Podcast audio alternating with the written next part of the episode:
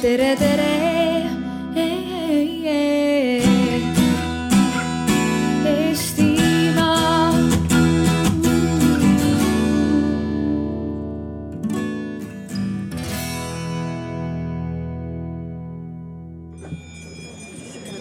Tere, selle kellaajärjega on siis kõik arutelusid siin alustatud ja praegu me siis jätkame oma järgmise aruteluga, mille pealkirjaks natuke intrigeerib logopeedi ka ja logopeedita ja räägime lahendustest, mis leevendavad tugispetsialistide puudust. minu nimi on Nele Labi ja olen Innove hariduse tugiteenuste agentuuri juht. hariduse tugiteenused siis äh, igapäevane teema ja minuga koos on siin modereerimas Tiina tere ka minu poolt, mina olen äh, tegev kohalikus omavalitsuses Haapsalu linnas ja vastutan hariduse valdkonna teemade eest. Ja meie oleme tandem moderaatorid, et äh, näidata teile, et päriselus on täitsa võimalik riigi ja kohaliku tasandi koostöö. no nii, tugispetsialistide puudusest Eestis on äh, kirjutatud päris palju artikleid, öeldud seda välja sõnavõttudes nähes siia kogunenute arvu, siis ma saan aru, et see kõnetab meid päris paljusid igapäevaelus ka. alusteema lapsevanemale, kes ei leia oma lapsele vajalikku teenust. Õpetajale, keda siin on ka mitu tükki nägin juba, kes ootab, et tema õpilase edukaks edasiminekuks oleks vaja näiteks natuke eripedagoogi tuge siis direktorile, kes otsib seda tugispetsialisti ja ei leia. hariduskorraldajale, kes peab toime tulema siis selle küsimusega, et seal meie piirkonnas ei ole enam mitte ühtegi tugispetsialisti tööle võtta. ja kõige rohkem siis sellele lapsele, sest iga laps ju tahab õnnestuda. ühesõnaga teema, mure on suur, aga tegelikult me täna siia kokku ei tulnud mitte selleks, et korrutada, et, et meil on probleem me kõik saame aru, et juurde neid on vaja, lasteaedadesse, koolidesse, tööle neid on vaja, aga see koolitamine võtab aega aastaid. vahepealsetel aastatel on meil vaja ju kuidagi toime tulla. meil on siin õnnestunud panelistide sekka äh, palju toredaid inimesi, kes on juba leidnud lahendusi, kuidas äh, olukorraga paremini toime tulla. aga enne veel, kui me lähme panelistide ideede juurde, ma natukene räägin sellest olukorrast, mis meil täna täpselt on panime ka plakatid, aga ega nad vist väga hästi ei paista äh,. kuidas siis tugispetsialistide puudust mõõta, üsna keeruline on, meil on olemas OSKA raportid. Nende järgi võiks siis öelda, et iga-aastaselt oleks asendus- ja kasvuvajaduse tõttu vaja juurde kakskümmend viis logopeedi, üksteist psühholoogi, nelikümmend kaks eripedagoogi ja need on, need on tõesti statistilised numbrid, mis äh, näiteks ei lähe väga palju kokku geograafiliste erisustega. me näeme, et äh, maapiirkondades, äärealadel on tugispetsialisti puudus suurem.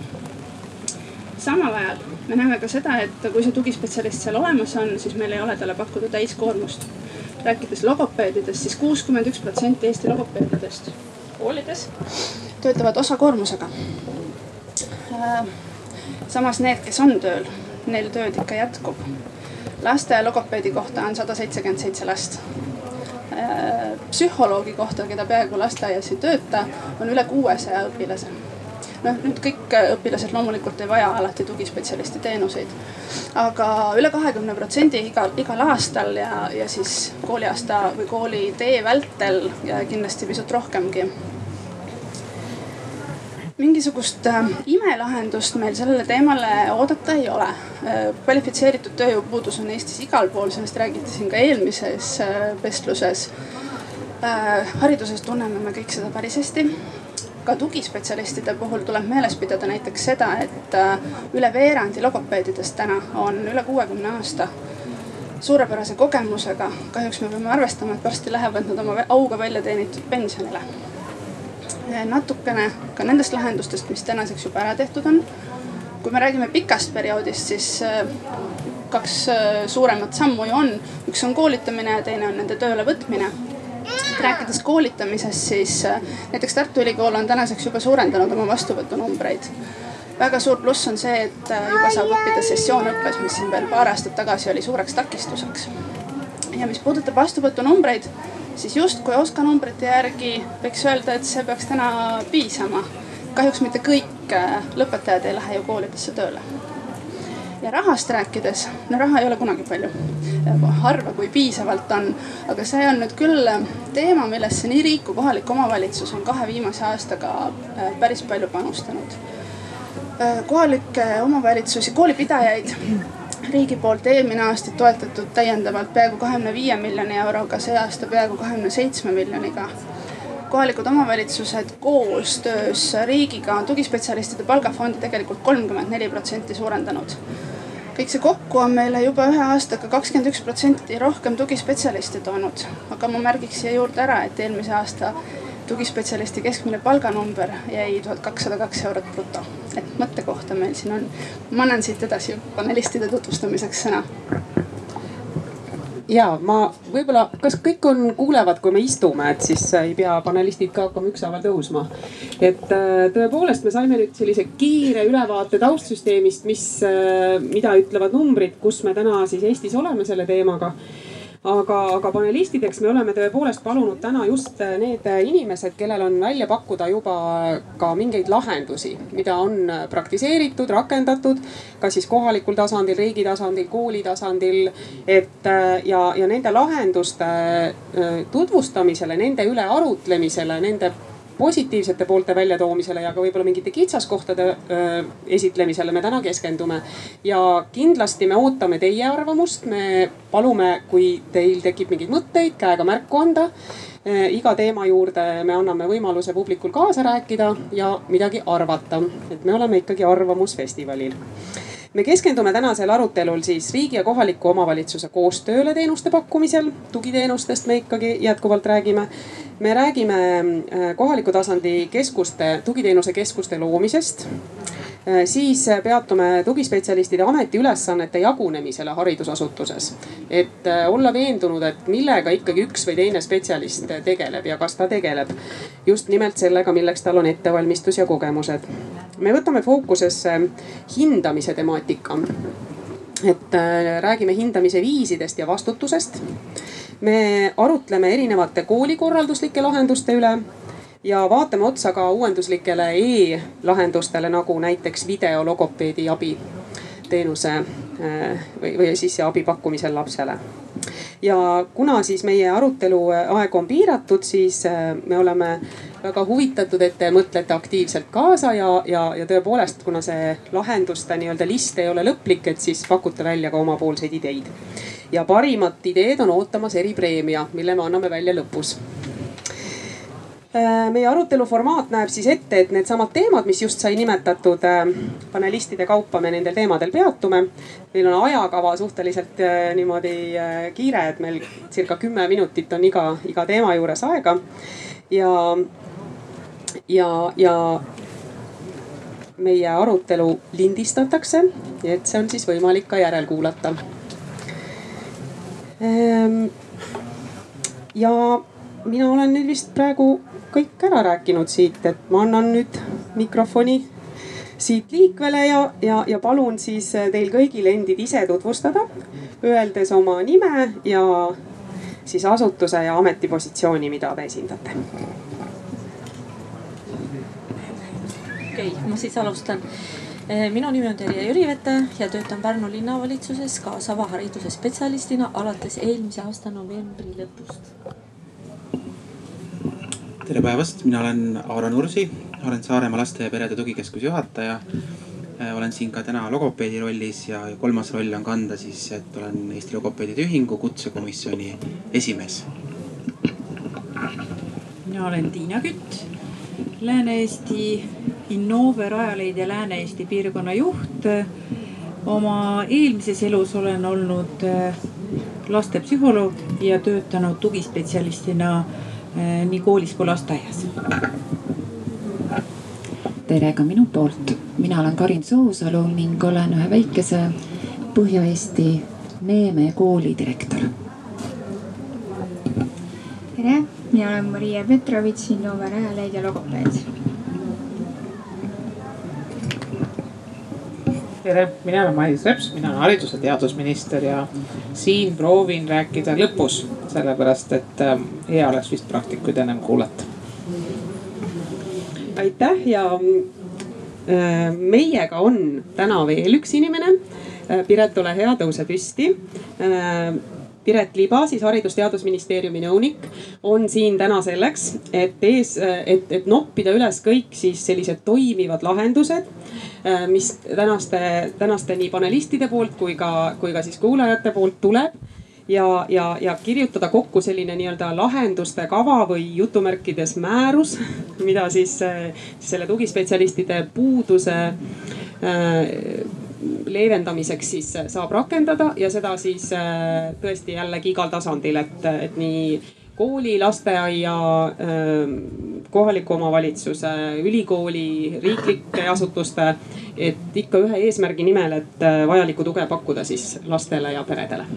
Ja Piretil on siin selleks vastav tahvel, et kõik märkmed on siis ka teile nähtavad, mis siia kirja saavad. aga hakkame siis siit otsast minema et äh, kas, kas publikul on küsimusi tekkinud juba selle väikese äh, sissejuhatuse käigus, ei ole veel? Et, et, et tõesti julgustan kohe käega märku andma, kui kellelgi on, on, on midagi lisada. ma ütleks veel, et kui teil küsimus on, siis me viskame teid sellise pehme karbikesega, et see on mikrofon. siia rääkides siis kuulevad kõik teie küsimust või, või veel parema meelega me ootame häid mõtteid.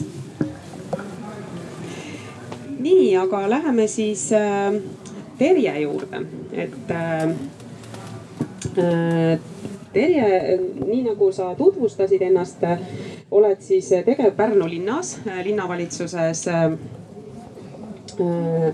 siis tugiteenuste spetsialistina hariduslike erivajadustega laste spetsialistina.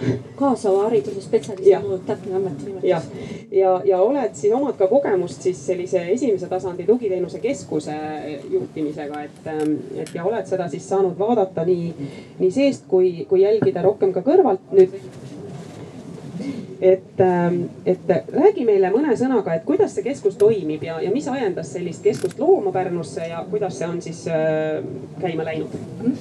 täpsustan, mina olen töötanud Pärnu õppenõustamiskeskuses, mis tänaseks on üle kahekümne aasta vana, seitse aastat teenuse osutajana, esimese tasandi nõustamisteenuse osutajana.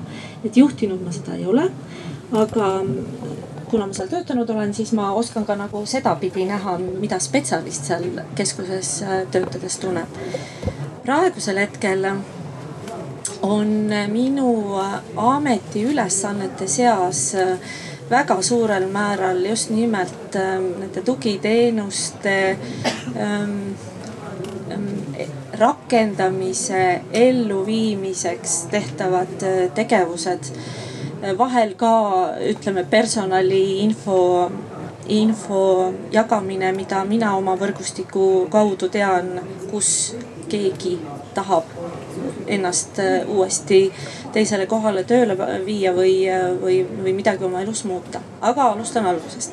ehk siis, et äh, Pärnu õppenõustamiskeskus ähm, on üle kahekümne aasta vana seal töötavad hetkel praegu koolipsühholoogid, sotsiaalnõustajad, gümnaasiumi õppenõustaja mm, ja siis üks ähm, mõned aastad tagasi ähm, juurde liidetud ehk siis psühholoogiateenistuse psühholoogid, kes teenindavad äh, kõiki Pärnu linna elanikke Ehm, teenused on koolidele tasuta ja täiskasvanud inimestele samamoodi ehk siis lapsevanematele ja õpetajatele.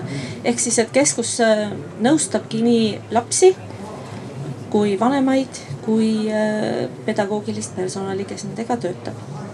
Äh, teenindatakse lasteaedu, teenindatakse koole et mahtudest parem pilt oleks, siis Pärnu linnas on kolmkümmend üheksa haridusasutust Ehm, nendest siis äh, kolm on erakoolid, üks on riigikool, ülejäänud on siis lasteaiad ja, ja üldhariduskoolid.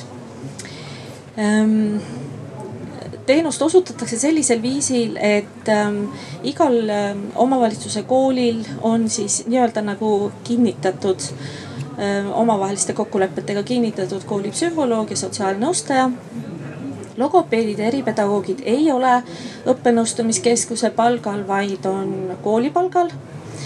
ning ähm,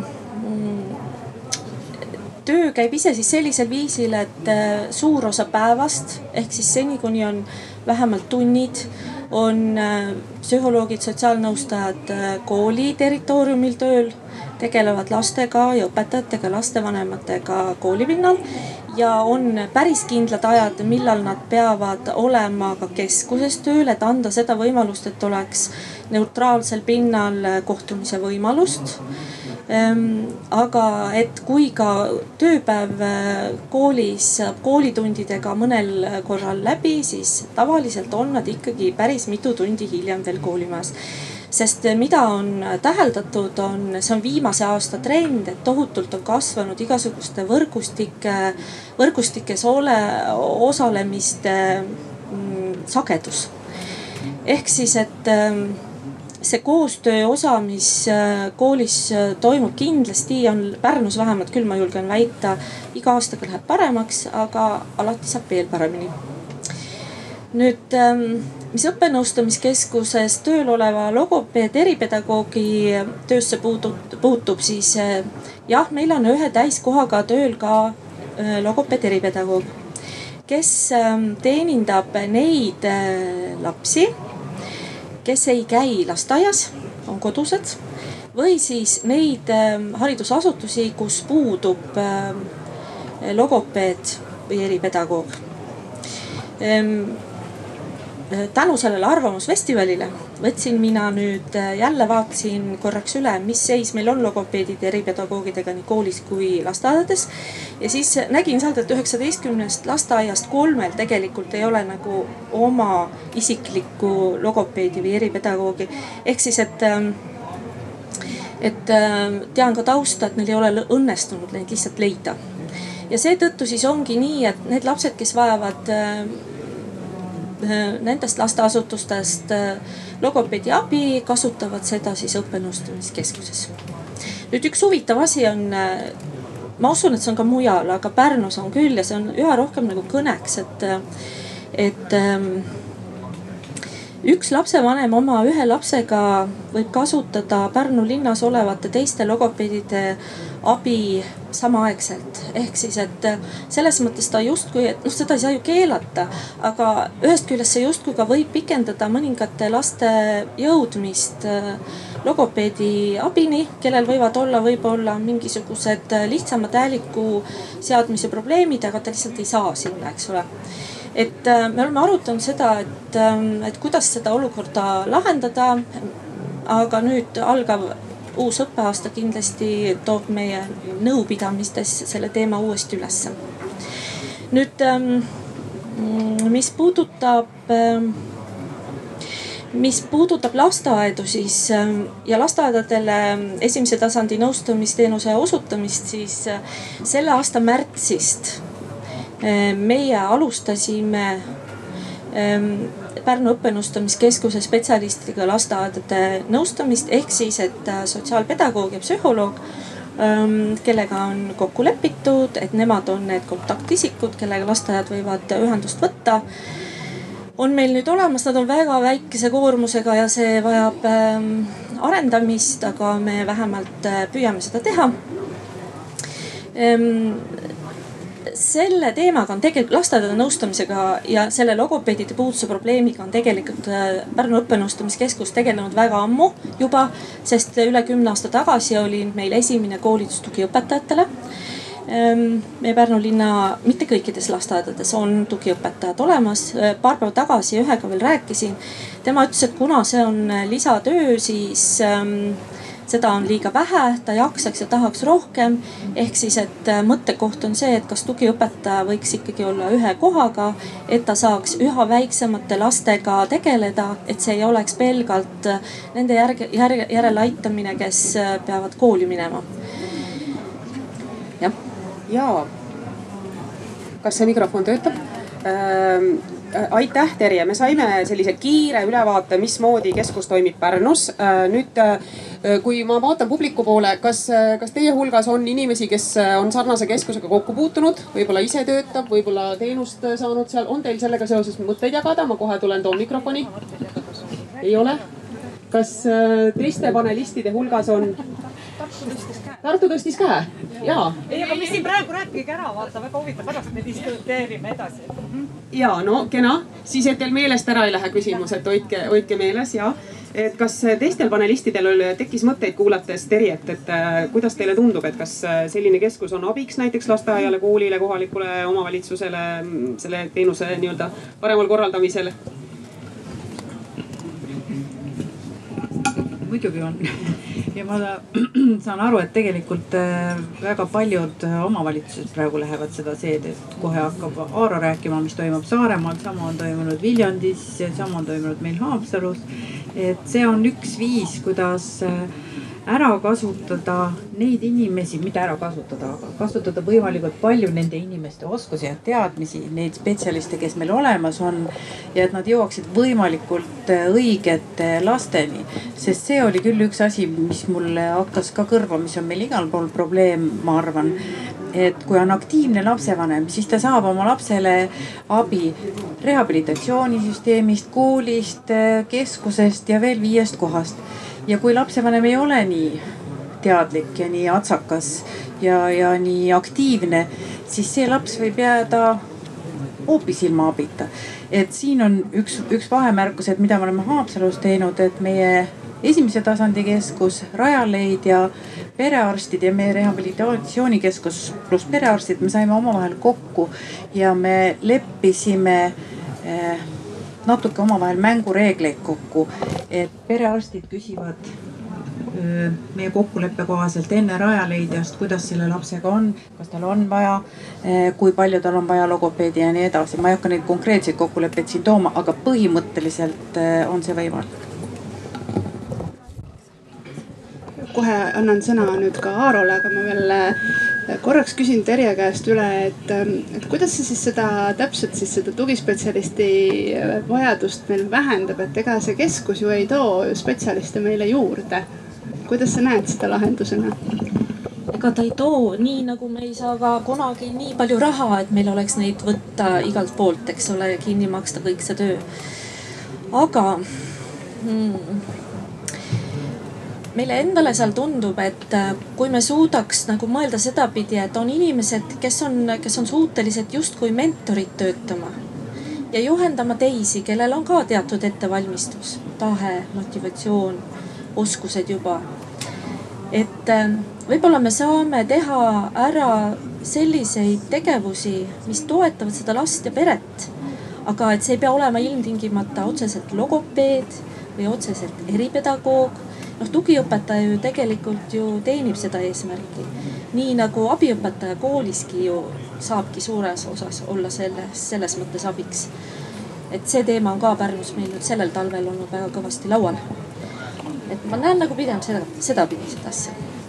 aitäh no ja Aaro võtab sellega sujuvalt kohe siit äh, vist sõna üle, et igaüks peaks oma rollide juurde jääma ja kuidas kelle roll siis peaks olema teostatud absoluutselt, et äh, Eestis on sellised toredad asjad nagu kutsestandardid, et äh, kõikidele siis äh, nimetatud tugispetsialistide erialadele on välja töötatud kutsestandardid, kus on siis väga selgelt toodud, et mida üks või teine spetsialist teeb ja nendest me igapäevaselt ka lähtume.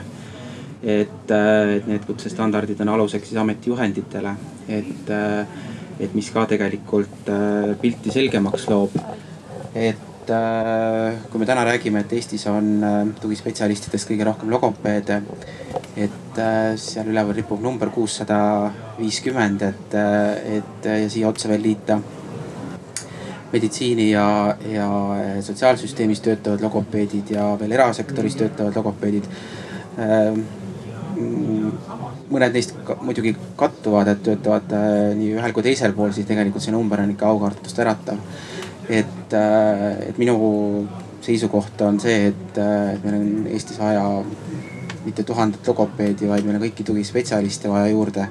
ja, ja need tugispetsialistid peavad õppima omavahel head koostööd tegema. ja tegelikult, mis on ka Saaremaa keskuses uuenduslik pool, et me täna ei räägi ainult haridustugiteenustest, mida vajab laps ja perekond, vaid ka sotsiaaltugiteenustest ja, ja, ja kolmas jalg tegelikult on, on ka siis äh, meditsiini pool, et, et, äh, et ka meie ridadega peaks lastepsühhiaater siis liituma. et jällegi nii-öelda siis vähendada seda eri, erinevatest ustest sisse-välja jooksmist, et, et Saaremaa on, on on tegelikult äh, väike, aga neid uksi, kust on võimalik siis sisse minna, kas, kas niimoodi teadlikult või kogemata on ikkagi päris palju. ja, ja täna need süsteemid ka halvasti haakuvad omavahel ja, tehakse palju dubleerimist. nüüd. mis su ettepanek on, millise ja. ukse me kinni paneme? see on hea küsimus, et, äh, et millise ukse me kinni paneme. noh, selles mõttes, et, äh, et ma ei oska sellele vastata täna, et äh, millise ukse me kinni paneme, tõenäoliselt tuleb ikkagi esimeses järjekorras panna rehabilitatsiooni äh, siis äh, uks kinni, et, et praegu ka Sotsiaalkindlustusamet ju piloteerib seitsmes Eesti omavalitsuses teenuste integreerimise äh, projekti, et mis peaks ka siis selle äh, noh, nii-öelda absurdsuse välja tooma, et, et, et mõistlik oleks, oleks seda raha siis äh, ümber jaotada et äh, aga, aga selles mõttes, et äh, Saaremaal me oleme täna selles olukorras, et, äh, et me oleme loonud tingimused, et me ühel hetkel jõuaks nende lahendusteni kohalikel, kohalikul tasandil.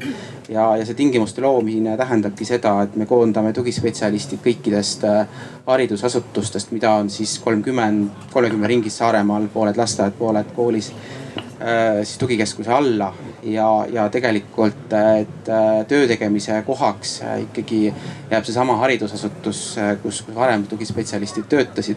lihtsalt, mida me võidame sellest, on seesama, et me saame moodustada erialarühmad, me saame moodustada ekspertrühmad ehk siis luua tingimused selleks, et me saaksime üheskoos lahendusi hakata välja töötama.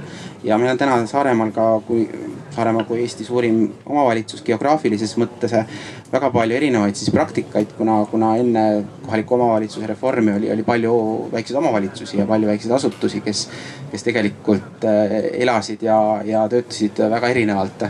et äh, täna me kogume head praktikat, mida siis üle Saaremaa levitada ja, ja, ja, ja, ja, ja, ja loomulikult selle kõrvalt siis, siis üritame loobuda halvast võib-olla praktikast, mis ei tööta. Äh, kui me jõuame seda küsida tugispetsialistide kohta nüüd. ja, et kuidas me sinna mere taha siis neid tugispetsialiste juurde saame? et see on väga hea küsimus ka jällegi, et, et kes siin on ja, ja tahab oma elus karjääripööret teha või, või, või siis äh, elukoha muutus, siis Saaremaale olete teretulnud, et saame pärast rääkida. aga, aga et meil tegelikult see seis äh, noh, kõige nutusem ei ole, et kindlasti võtaksime kõiki spetsialiste juurde, aga, aga ma mainin, et äh, kaugelt Saaremaalt läks kolm inimest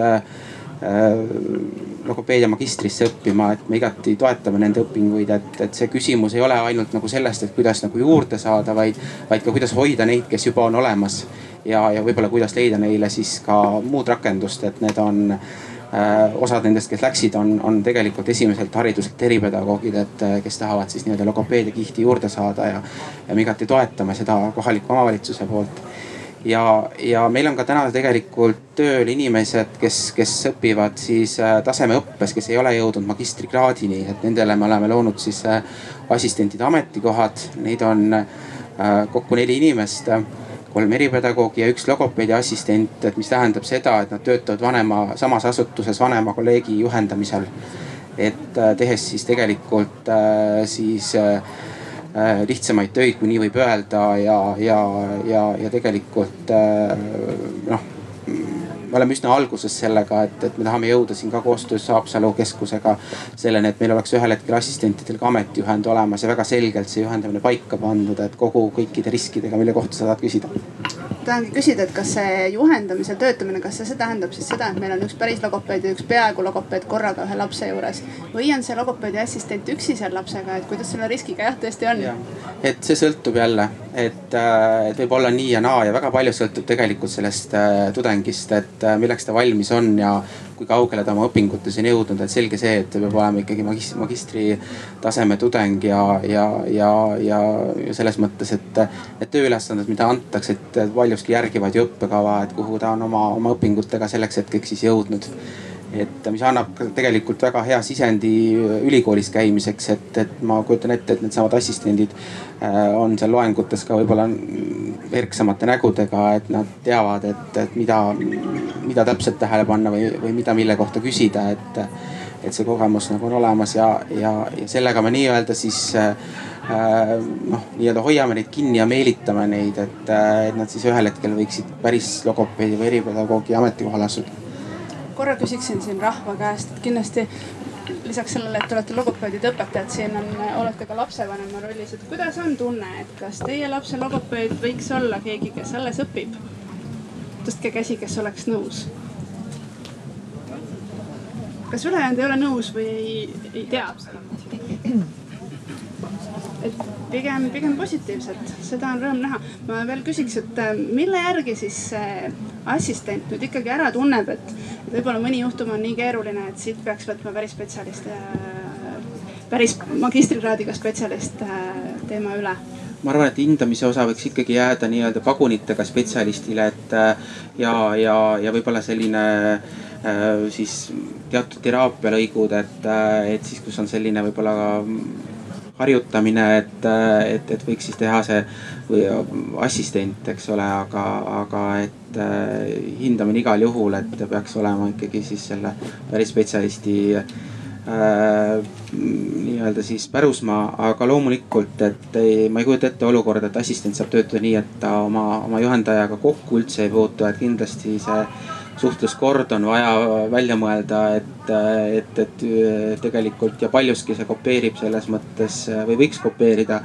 sellist äh, head juhendamist, äh, mis toimub ülikoolis äh, praktikajuhendaja ja, ja, ja tegelikult tudengi vahel, et kus, kus on väga selgelt ju paika pandud need rollid tulen korra nende rollide juurde veel tagasi ka, et äh, sa alguses rääkisid sellest, et iga, et meil on põhimõtteliselt kõiki tugispetsialiste juurde vaja, aga et tööülesanded peaksid olema ka paremini jaotatud, et kas on mingi näide sellest, kuidas me täna teeme siis, äh, kas näiteks logopeed teeb tööd, mida ta võib-olla ei peaks tegema või et kus need piirid hägusad on, et kutsestandardid kindlasti kõik tunnevad, aga kus see sassi läheb? Et alati äh, tuuakse ühte näidet, et ma toon ise ka selle, et, et et näiteks see lugema-kirjutamise õpetamine, et tegelikult meil on suurepärased eripedagoogid, et kes, kes valdavad seda metoodikat, kes võiksid vabalt seda teha ja.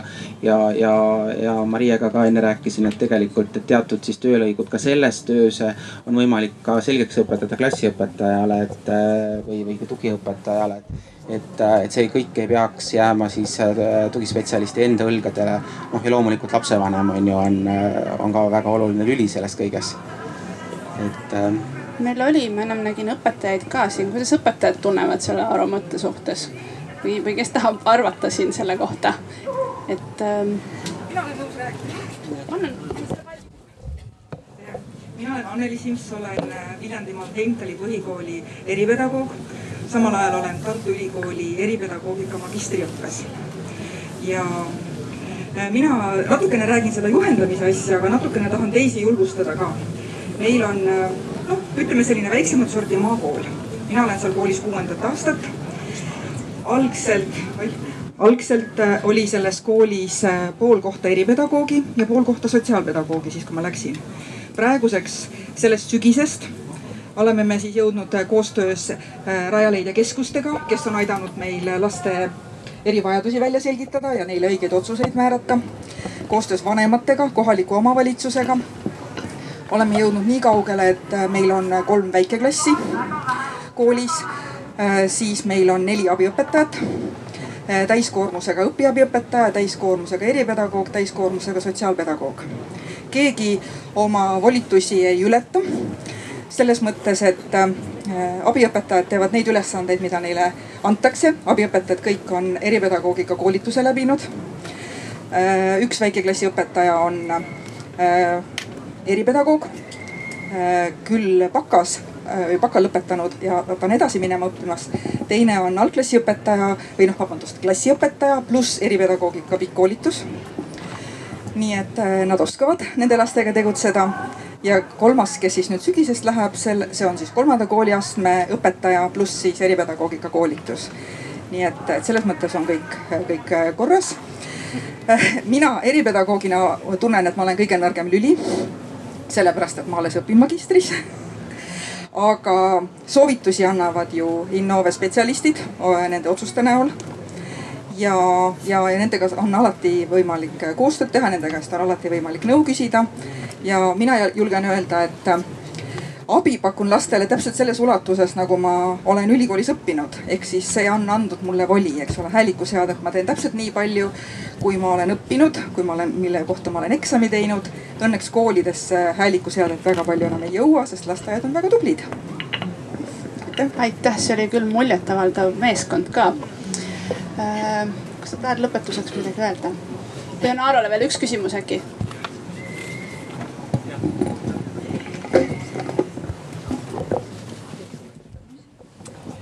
ma tuleks korraks tagasi selle, Aurol oli väga hea mõte oma asutuse näitel nende logopeedi assistentide osas ja ma arvan, et see. sinata Aurat, ma tunnen teda hästi, et selles keskuses see töötabki väga hästi. Miks, sest et seal on koos mitmed logopeedid, seal on olemas inimesed, kes tõesti on väga pädevad logopeedidena, on olemas juhendajad ja nii edasi.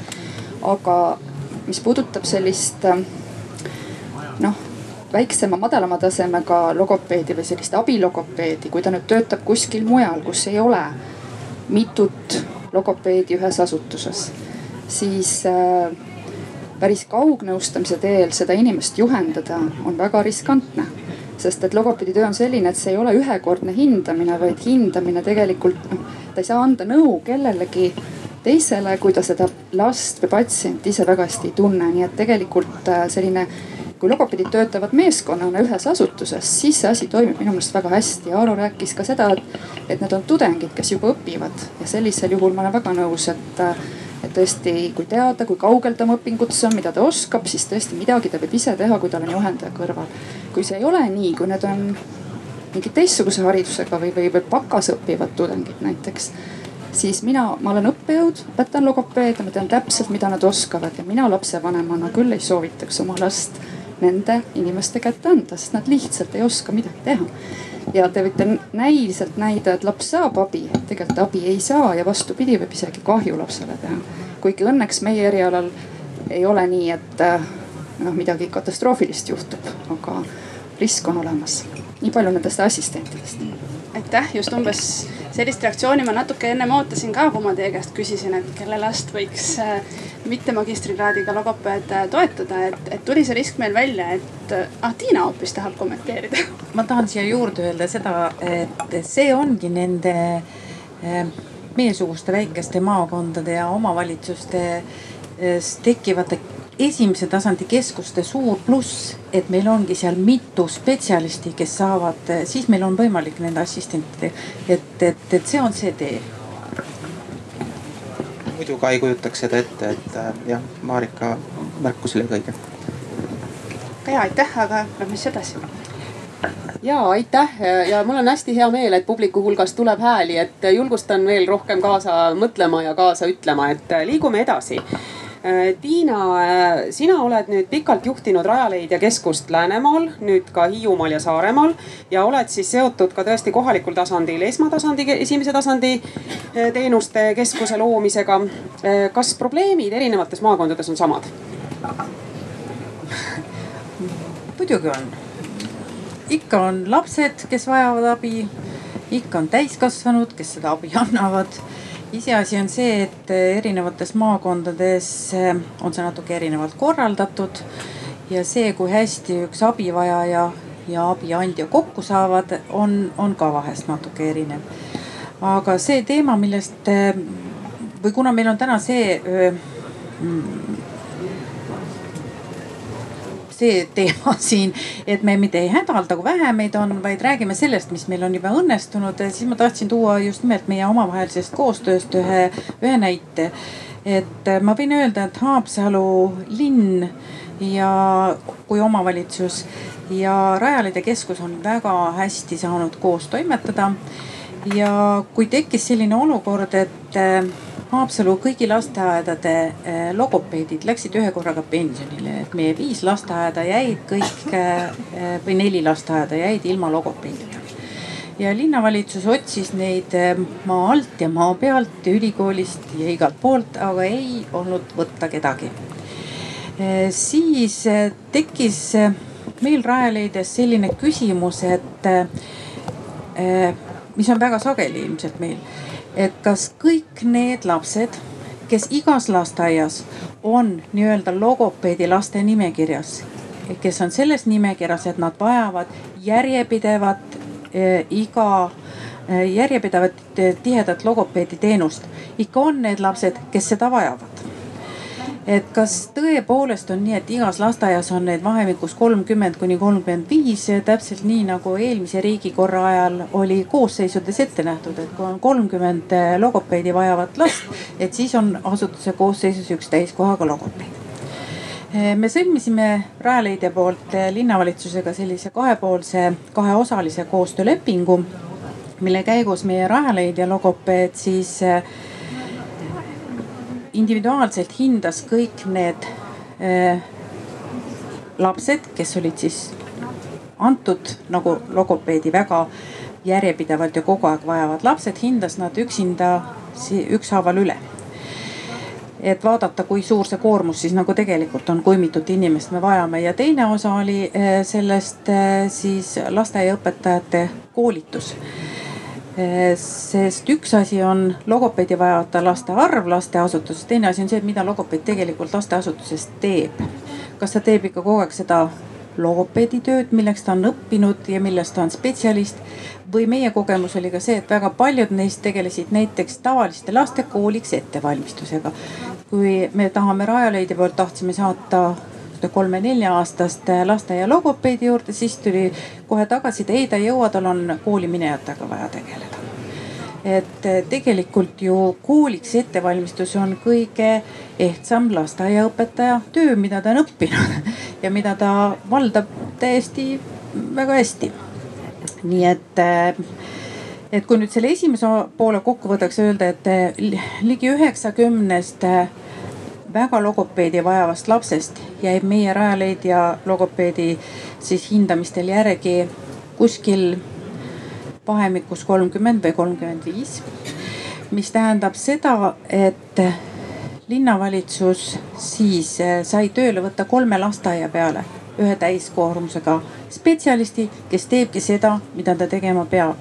meie omalt poolt, Rajaleidja poolt siis eh, selles teises osas veel, et lasteaiaõpetajatele ja üldse õpetajatele natukene meelde tuletada ja neid julgustada tegema seda, mida nad tegelikult oskavad ja milleks nad on õppinud, siis tegime neile äh, paar koolitust veel teemapäeva sellist äh, just nende samade lugemis, kirjutamise eeloskuste kujundamisest.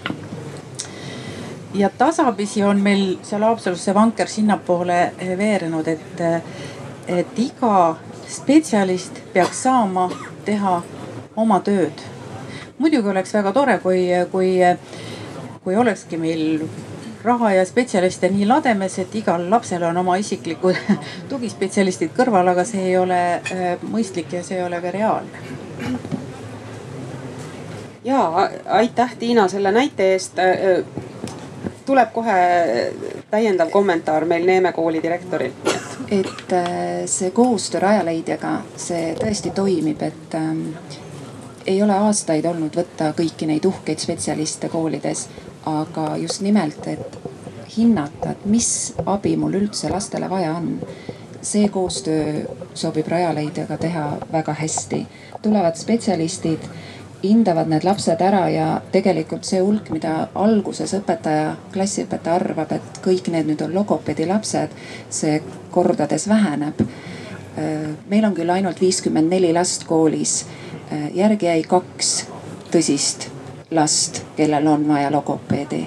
Nendega saigi tehtud kokkulepe, leitud Tallinnas tasulised logopeedid, omavalitsus tasus transpordid ja kulud ja lapsed said abi.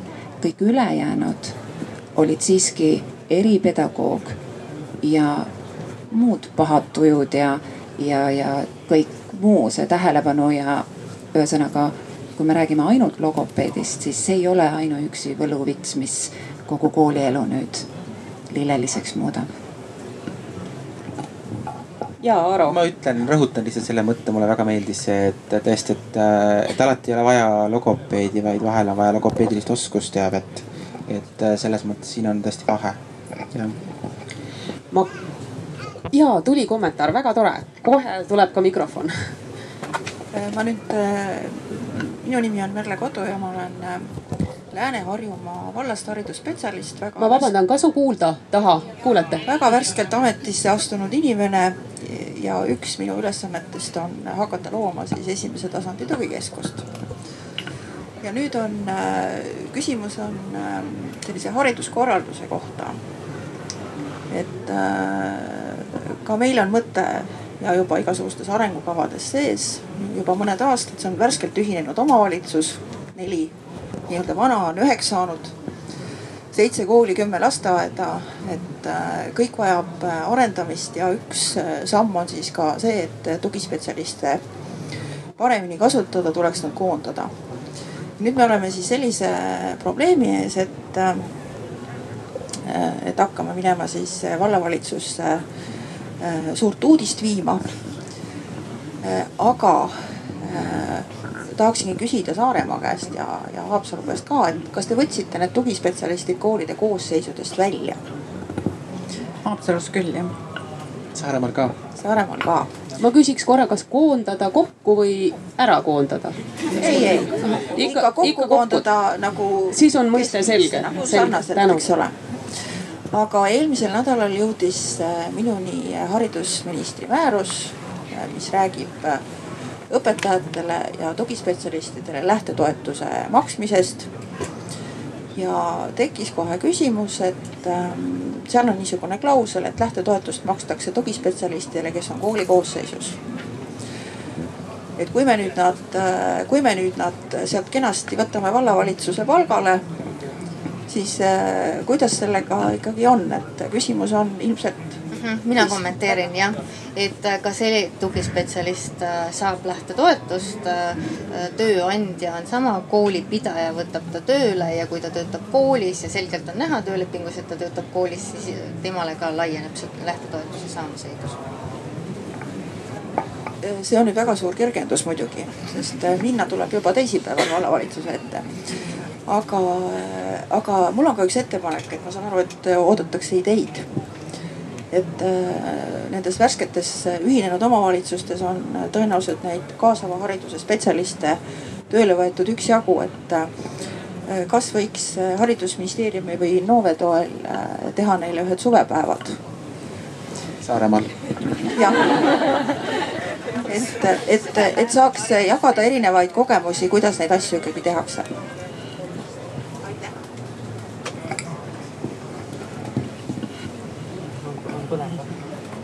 no ma arvan, et me võtame selle palli siit siis vastu. et kas nüüd just suvepäevad, aga seminarina kokku kutsuda tõesti tundub hea mõte. et kõik on laias laastus ju samade murede, samade sammude ees, et jagada samamoodi nagu me täna jagame kogemusi äh, nii halbu kui häid, loodetavasti rohkem häid. et äh, võtame siis äh, selle tegemisse. ma, ma küsiks veel enne, kui me läheme konkreetselt kooli tasandile ja anname sõna Karinile. Eh, veel korra Tiina ja, ja võib-olla Aaro ja Terje kõigi kolme käest korraga, et, et vastab siis, kes eh, tunneb, et, et, et teab õiget vastust. et eh, et, et korra oli juttu nendest hindamistest ja dubleerimistest ja korra oli sellest juttu, et millise ukse me kinni paneme, aga ikkagi, et kui tulla selle juurde, et hariduses nii äh, Rajaleidja keskused teisel tasa, teisel tasandil hindavad, lasteaiad, koolid ise hindavad, et üldse aru saada, milline laps millist abi vajab. ja tervishoius ja sotsiaalvaldkonnas äh, ju perearstid ja ka rehabilitatsiooniteenuse osutajad. et kuidas te näete seda dubleerimise hästi-hästi kiirelt seda ettepanekut dubleerimise Äh, nii-öelda vähendamist ja, ja sellist hästi efektiivset juba abi osutamist, et last ei solgutataks ja hinnataks, vaid jõutaks kiire hindamise tulemusena teenusele saata.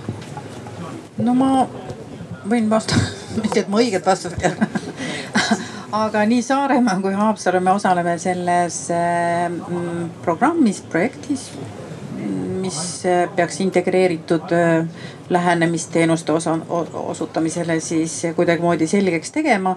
aga niikaua kui seda veel ei ole, siis ma arvan, esimene asi on ikkagi see koostöö, et saame kokku ja räägime läbi, kes mida teeb, kuidas me saame oma. inimesed on igas süsteemis väga mõistlikud, et, et saab tegelikult kokku leppida küll, kõike lõpuni muidugi ei ole võimalik, sest seal sotsiaalkindlustus ja rehabilitatsioonisüsteemis on iga hindamine on, maksab ka raha ja, ja loomulikult rehabilitatsiooniasutustel on vaja äh, seda raha ka saada, eks.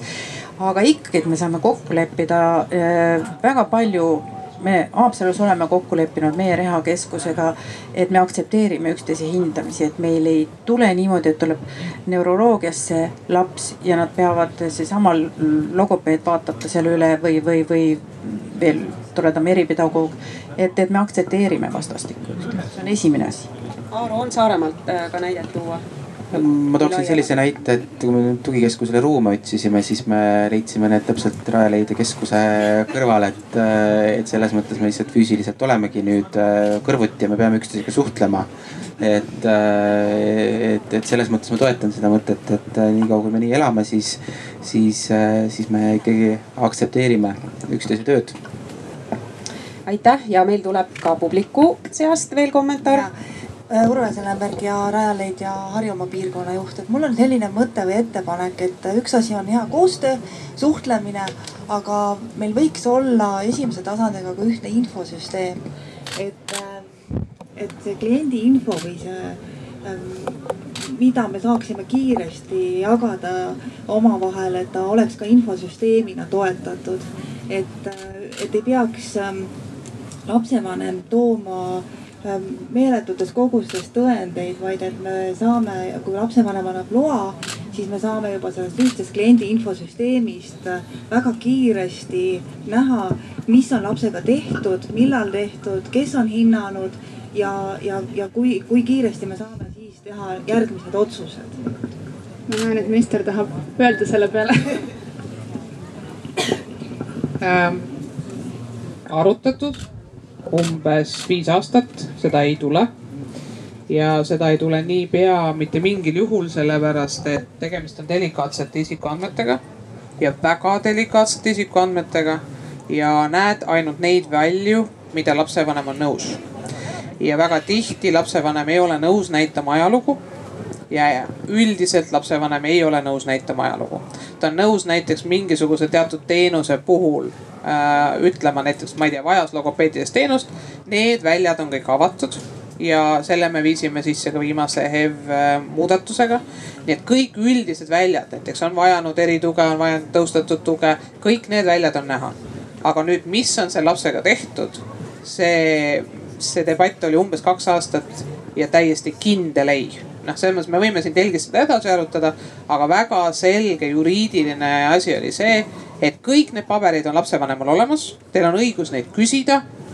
aga seda, et me need väljad lahti teeksime, on võimatu, sest lihtsalt lapsevanemate kindel seisukoht on, et nad ei taha, et need isikuandmed sellises täpsuses on näha. aga veel kord, teil on õigus neid küsida, kui lapsevanem tahab, ta võib need paberid teile kõik avada ja absoluutselt, ma olen sellega äh, päri, aga äh, see toob kaasa väga pikad järjekorrad, väga pikad ooteajad ja lapsevanemad, kellega mina kokku puutun igapäevaselt, on äärmiselt pahased, et, äh, et see võtab kuid ja kuid ja nad ei jõua oma dokumentidega äh, nii kiiresti, kui nad seda tahaksid. ma, ma vabandan, ma arvan, et me räägime nüüd erinevatest asjadest, tähendab see, et mis väljad on isiku tellikas, sul on, eks ju, digi, digisüsteem, ma vabandan, me läheme väga detailidega, ütleme, sul lapse digisüsteemis on see kõik olemas. nüüd juhul, kui lapsevanem on ise frustreeritud, siis ta võib minna digilukku, ta läheb selle elektroonilisse süsteemi, noh tegelikult natukene näppimist võib-olla alguses on keeruline, aga ta saab need asjad kõik kätte. kui see lapsevanem nüüd tõesti tahab, ta saab need teile anda nüüd ainuke delikaatne asi on tegelikult, et ei tohi neid küsida, aga no ütleme, et isegi kui te küsite, kogemata lapsevanem teile need annab, siis tal on endal see võimalus, aga me ei saa juriidiliselt lahti kirjutada, et lapsevanem peab teile need andma. kõik need väljad, mis on meil kokku lepitud, neid te näete ja spetsialistidel on see õigus. nii palju, kui me suutsime lahti teha, me tegime. aga sealt tuleb vastu see, et enamik lapsevanemad ütlevad näiteks tavaline kooli tugispetsialist lapsevanem ütleb konkreetselt ära, ma ei usalda teda, ma olen nõus näitama teisele astmele, esimesele astmele ma ei näita. ja me ei saa mitte midagi selleks teha, me võib kool olla frustreeritud ja öelda, et näiteks miks ma ei saa tegeleda sellega. aga nii on, sest lapsevanem ütleb, et näiteks kooli, no peamiselt näiteks koolipsühholoog ta ütleb meile keskuses, et ta on Rajaleidjas nõus rääkima, ta on nõus neutraalsel pinnal suhtlema, koolipsühholoogile ta ei ütle ja ta lihtsalt ei ütle, sellepärast ta ütleb, et näed, et äh, Mašaga oli see lugu, onju, või, või Mariga oli see lugu. ka Äras ma kuulsin õpetajate toas, et kõik teavad seda, ma ei lähe koolipsühholoogi juurde. ja see on üks põhjus, miks me ei saa neid asju avada. lihtsalt lapsevanemal jääb see lõplik otsus ma tahan lisada, ma olen väga nõus sellega, et äh, mina lapsevanemana ja vanaemana ka ei tahaks, et oleks olemas mingi selline superandmebaas, kus ainult klikivajutusega võib äh, palju asju tulla nähtavaks. et siin on äh, tegelikult meie spetsialistide professionaalsuse küsimus suhelda ka lastevanemate ja, ja las- ja õpetajate ja kõigiga, kes infot valdavad, suhelda nendega nii, et me selle kätte saaksime. ja teine asi, jällegi ma näen siin, et koolipsühholoogiga, nii siin on jälle keskus see suur hea boonus, et, et kui meie tugispetsialistid on esimese tasandi keskuses koos, siis ta ei ole nagu automaatselt nii-öelda kooli osa ja võib-olla saab siis teda natukene rohkem usaldada nii, aga aitäh, väga oluline teematõstatus, delikaatsed isikuandmed ja me olime Nelega selleks valmis ja meil on väga hea meel, et see teema tuli. et me ei saa selle tugiteenuste osutamise temaatikas kuidagi üle ega ümber nendest, nendest äh, andme, andmekaitsest ja, ja me oleme väga nõus, et, et andmed peavadki olema kaitstud, see tagab turvalisuse meile kõigile. ma sain, ma sain tegelikult natuke küsimuse teisest poolest aru, see on näiteks rehabilitatsiooniteenuse või, või mingite teenuste dubleerimisel, et kui sa käid arsti juures ära, et sa ei pea sama asja uuesti tegema. sellega me tõepoolest tegeleme. ma, ma, ma lubasin, ma võtan lõpus sõna, ma siiski pean selle vastama, et, et see on jäänud natukene noh, nagu alati jääb detailide taha. me, me tegelikult siin on, eks ju, piloodid algatatud, me tahaksime, et see jõuaks. ja seal on, kuna ka iga selle määramise juures on oma rahasüsteem siis, siis ta kipub olema nii, et me oleme nõus kahe süsteemiga, et kõik on, ma julgen öelda vist neli aastat või viis aastat tagasi kokku leppinud, lähme ühe süsteemi peal. miks on aega võtnud, sest igas näiteks rehabilitatsiooni määramisel tuleb oma rahakott, järgmisel tuleb oma rahakott. Ja, ja nende süsteemide vastastikune usaldus tekib ajapikku, et neli aastat tundub vist on liiga lühike aeg aga me tegeleme sellega, et tõesti see lapsevanema frustratsioon, et ta ei pea kõiki neid pabereid selles mõttes, et diagnoose, määramisi, uuesti kadalippe, et neid me tõesti ei taha, et ta peaks tegema mitu korda no paistab jah, et see ei ole päris kiire lahendus, mida nüüd siin saaks kohe-kohe rakendada. tasapisi usaldus ehk meil kasvab ka, aga me peame sõna edasi andma. ja, ja, ja just oligi plaan nüüd Karinile sõna anda jällegi. et äh, me oleme nüüd rääkinud siin niimoodi suurel, suurel pinnal tegelikult äh, riiklikest süsteemidest, mis meil on olemas, eks ole, seadusandlikust raamistikust, oleme rääkinud kohaliku omavalitsuse tasandist, keskustest. aga sina oled nüüd koolis, oled koolijuht ja praktiliselt igapäevaselt puutud kokku sellega, et kas sul on lisaks lisaks õpetajatele olemas tugispetsialistid. kas sul on lastele seda abi pakkuda või ei ole, et sina oled Neeme kooli direktor, Neeme kool on pisike kool. et äh, teil on viiskümmend neli õpilast ja üheksa õpetajat. me täna tõesti ei äh, pretendeeri siin äh, selles mõttes absoluutsele tõele, et kindlasti ei ole teie praktikad rakenduvad võib-olla tuhandepealises äh, lastega koolis, aga siiski, et mida olete siis ette võtnud sellises Äh, tugispetsialistide puuduses, kui see puudus ka sinu koolis on ja kui ei ole, siis järelikult oled väga hästi korraldanud, räägi meile natuke. no täna ma võin öelda, et kõik spetsialistid on olemas, aga see on ainult viimaste kuude selline õnn või eelmise õppeaasta õnn, mis meid tabas ja saame selle nimekirjale joone alla tõmmata. aga kõik eelnevad viisteist, noh siis neliteist aastat meil ei ole sellist rõõmu olnud. aga ei tasu ka nagu nutma jääda, et äh, vot sellepärast meil nüüd lapsed ei saagi õppida või sellepärast meil on sellised, sellised mured kogu aeg. et meil pole ühtegi tugispetsialisti, et äh, nagu ma ütlesin, et Rajaleidjaga koostöö on äh, see esimene samm selles suhtes, et üldse nagu aru saada, äh, millised lapsed mul siis koolis õpivad, millist tuge nad vajavad. ja need ähm, see protsent ei ole nii kõrge, kus on vaja selliseid päris siis logopeedi abi. eripedagoog küll, see on küll selline noh, temal on käed-jalad tööd täis.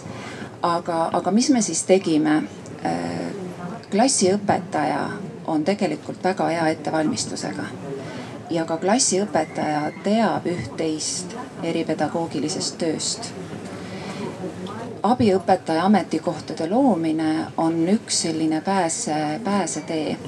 ja abiõpetaja, klassiõpetaja siis põhiõpetaja kõrval kusjuures oluline on see, et abiõpetaja on ka klassiõpetaja ettevalmistusega ning äh, abiõpetaja, kes siis põhiabita-, põhiõpetajaga koos aitabki seda tundi diferentseerida nii, et see tähelepanu jõuaks igale lapsele. sest ähm, kui me saadame peale tunde lapse kuhugi spetsialisti juurde, siis see oleks tema jaoks nagu no nagu väike karistus. aga oluline on aidata seda last sellel hetkel, kui ta abi vajab, sest kui ta ei saa seda eduelamust, seda hakkama saamise tunnet, siis ta on kurb ja ei tahagi enam õppida. et oluline on tegelikult märgata teda kohe ja olla hästi paindlik. Kui vaja, viia ta sealt klassiruumist ära, kui vaja, minna klassi tagumisse pinki, kui vaja, õppida diivanil, kui vaja, istuda trepil. ühesõnaga, et hoida seda lapse emotsiooni ja tahet koolis käia ja abiõpetaja, kes saab tegeleda just nimelt äh, samal hetkel, kui see, see abi just nimelt on vajalik. Äh, see aitab palju-palju kaasa ja abi, klassiõpetajaid õnneks veel niinimetatud turul no ikka on rohkem kui eripedagooge ja logopeede. Äh, mida veel tegime?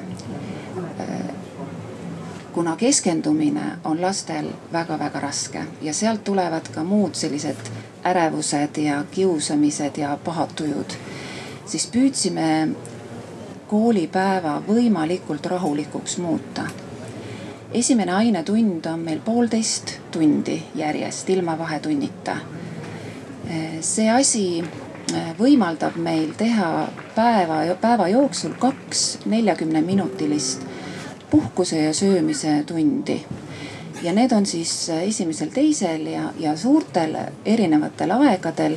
ehk siis see lööb täielikult äh, kella helisemise tegelikult segamini, ehk siis osa koolist puhkab, osad õpivad. Ja tegelikult uskuge mind, mida vähem rahvast on koos, seda rahulikum on.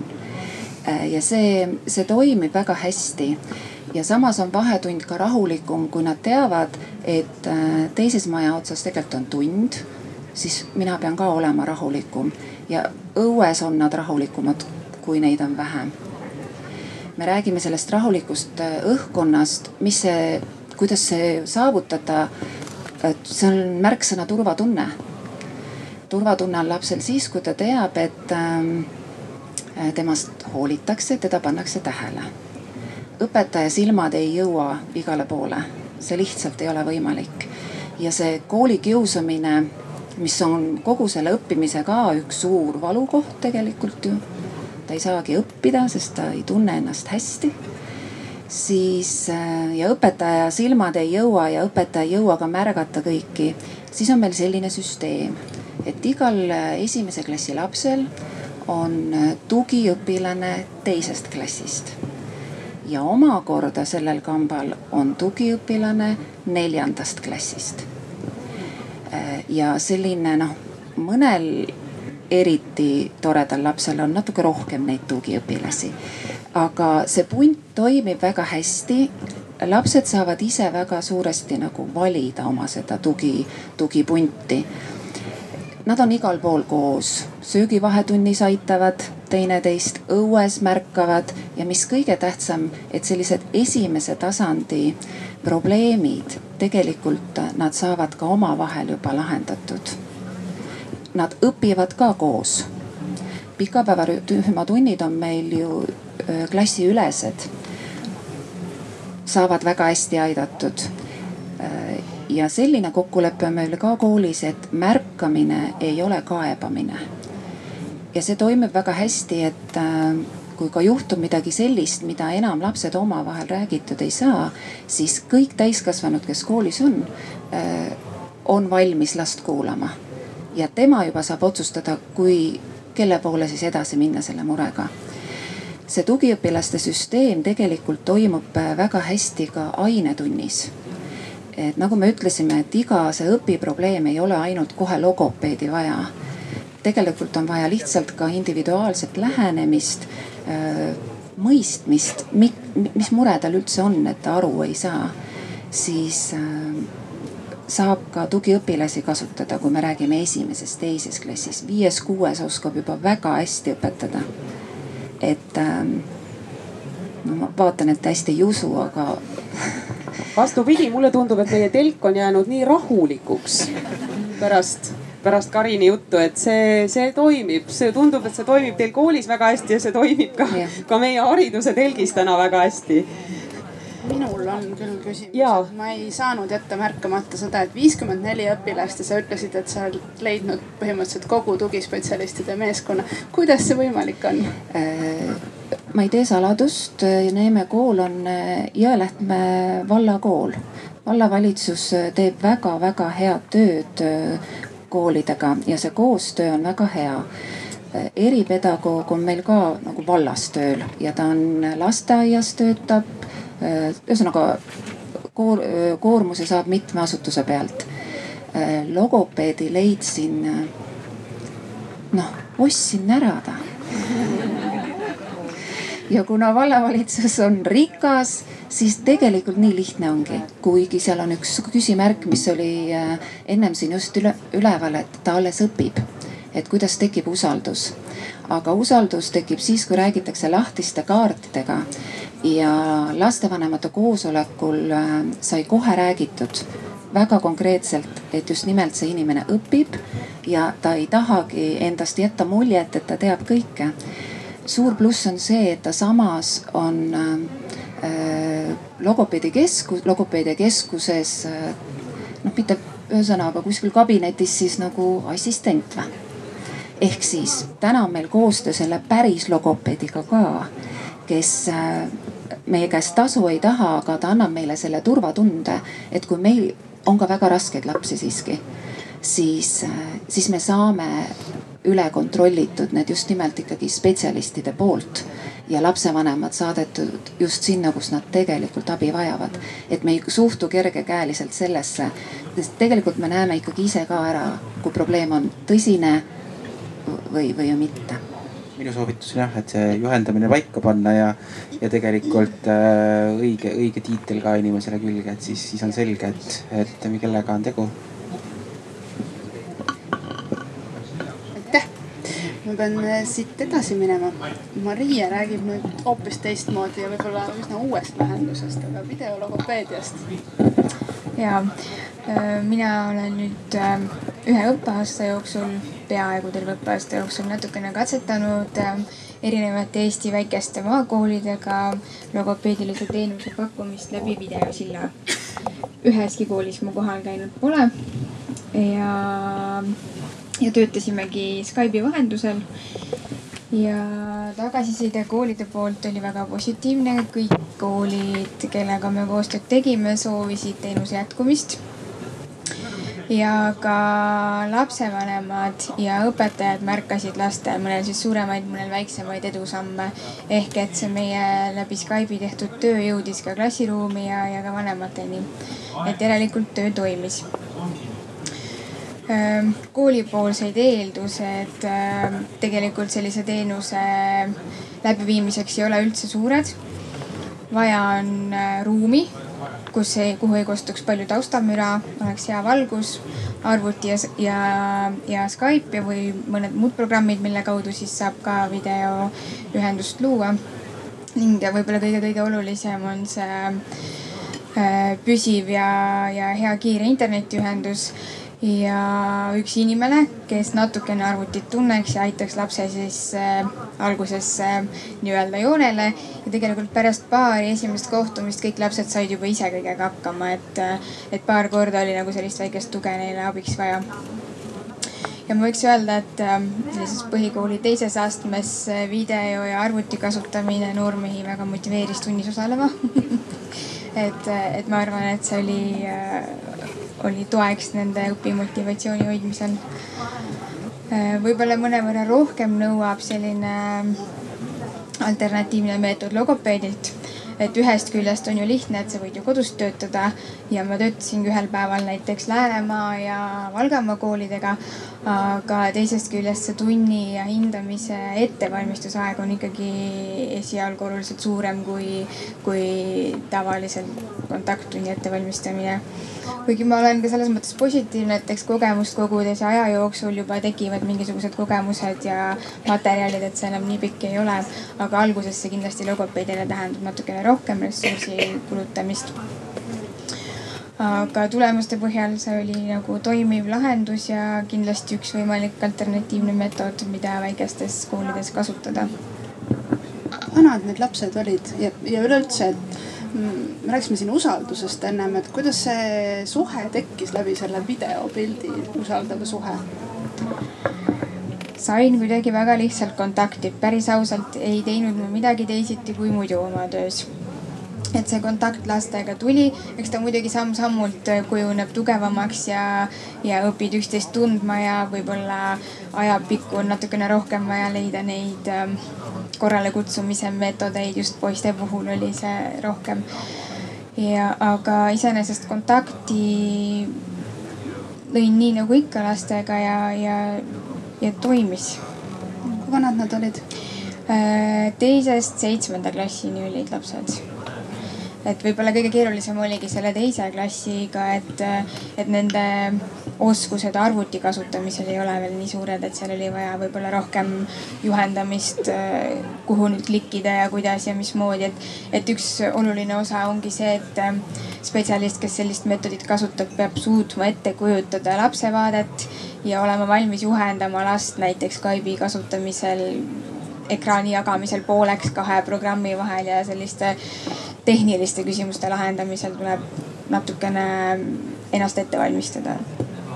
kui sa ütled, et kõige keerulisem oli selle teise klassiga, et kas, mis sa arvad lasteaialastest? videoteenuse pakkumisel siis? Äh, lasteaialaste puhul ma arvan, et äh, peab olema kaasatud täiskasvanu ikkagi. koolilapsed olid tunnis üksinda.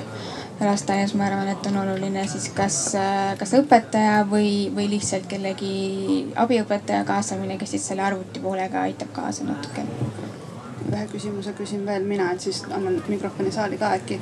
aga mm, sa oled ilmselt nüüd oma kolleegidega ka rääkinud, mis sa siin aasta aega teinud on, et mis teised logopeedid arvavad, et on see nüüd üks õige asi?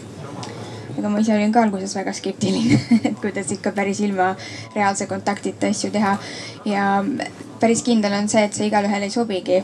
see ei sobi igale vanusele, igale võib-olla probleemile aga kolleegide poolt on olnud nii ja naa, et on neid, kes on olnud väga positiivsed, on neid, kes mõtlevad, et arvuti ei. et eks see oleneb äh, pigem sellest inimesest endast, et vaataks korra rahva otsa ka, et kuidas teile tundub, et kuidas, kuidas oleks, kui laps on videos äh, logopeediga kohtumas, veel hullem psühholoogiga äkki ja mina olen, ma enne ei tutvustanud ennast, ma olen Marika Padrik, õpetan Tartu Ülikoolis logopeede ja Maria jutt oli väga huvitav kuulata, sest ma ise ka täpselt samamoodi olen küll õpetanud niimoodi ühte last ja ma tahtsingi küsida, et kas, kes need lapsed olid, lugemis-kirjutamispuuetega lapsed või? valdavalt, valdavalt, aga oli ka näiteks lihtsustatud õppekava õpilane ja ka häiringuseadet noh, mida mina olen mõelnud, noh mina töötasin just nimelt ühe sellise lapsega, kes on Eesti laps, aga elab välismaal ja ta tahab just nimelt saada Eesti logopeedi abi, eks ju, et selles mõttes oli see ainuvõimalus ja, ja tõesti väga hästi toimis, aga mina töötasin ühe lapsega korraga. sa töötasid rühmaga või individuaalselt? individuaalselt.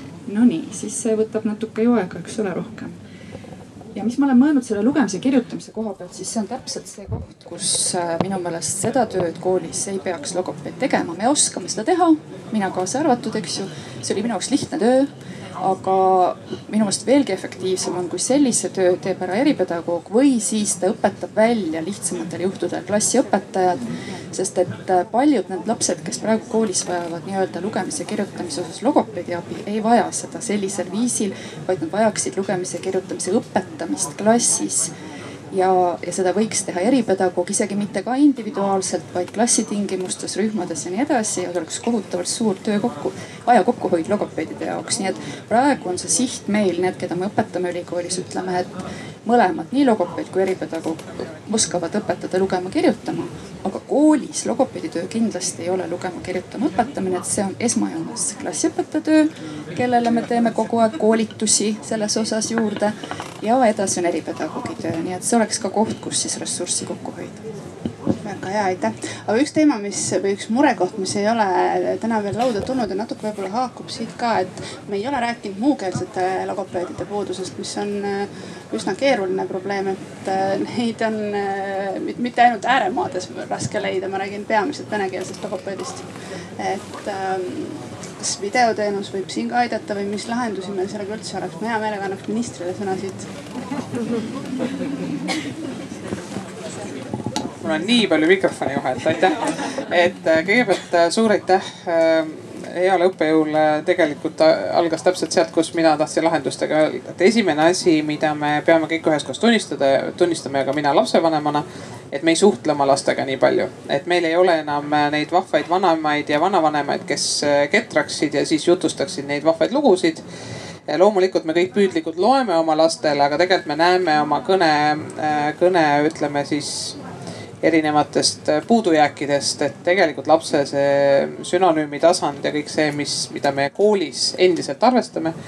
Õnneks emakeeles me oleme kohandunud, aga näiteks loodusõpetuse õpik äh, kõigi meie lapsevanemate rõõmuks esimese kooliaasta teises poolaastas on sellise sõnavaraga, et äh, ma ei tea, kõik, ma saan aru, geniaalselt õpetavad oma lapsi kohutavalt kiiresti, aga ma mäletan, me loodusõpetus, esimene klass, teine poolaasta, tund päevas umbes pidin lahti selgitama teksti. et no lihtsalt me ei räägi kodus nii. ma nüüd olen küll kohutavalt pingutanud, äh, kuna nüüd on kuues laps, kes saab sellisesse vanusesse ma vist natukene lollakas näen välja, kui ma püüan iga päev leida sõna, sünonüüme. Et mitte öelda, et tule nüüd võileiba sööma, vaid siis ma proovin leida neid sünonüüme, mida, mida laps võiks siis, siis õpetada, aga see võttis mul kuus last aega. et noh, tõesti, me nagu ei, ei kasuta võileiva kohta kaheksat erinevat moodust, ei ütle, et määri nüüd ühtlaselt ja nii edasi, et aga, aga nii on ja, ja lihtsalt kui sa lähed siis, mis nad loevad seal viiendas klassis Kungsmoori juurde, siis tegelikult lastel ei ole mitte kõnepuuet, vaid, vaid, vaid ongi see, et me ei ole, me ei kasuta seda sõnavara. Me kirjutame liitlausetes, selleks ajaks on nad kõik loomulikult, loomulikult me kõik võitleme sellega nutiseadmetes, kus nad kasutavad üldse ainult eh, emotsioonide väljenduseks erinevaid näpuviibutusi ja seda nad valdavad väga hästi, aga sõnavara väheneb. nii et esimene on see, et eh, tegelikkuses tugispetsialistide meeletu puudus me peame ka ausalt ütlema, on see, et me peame ümber hindama üksteisele otsa vaadates lasteaiaõpetajate, kooliõpetajate töö.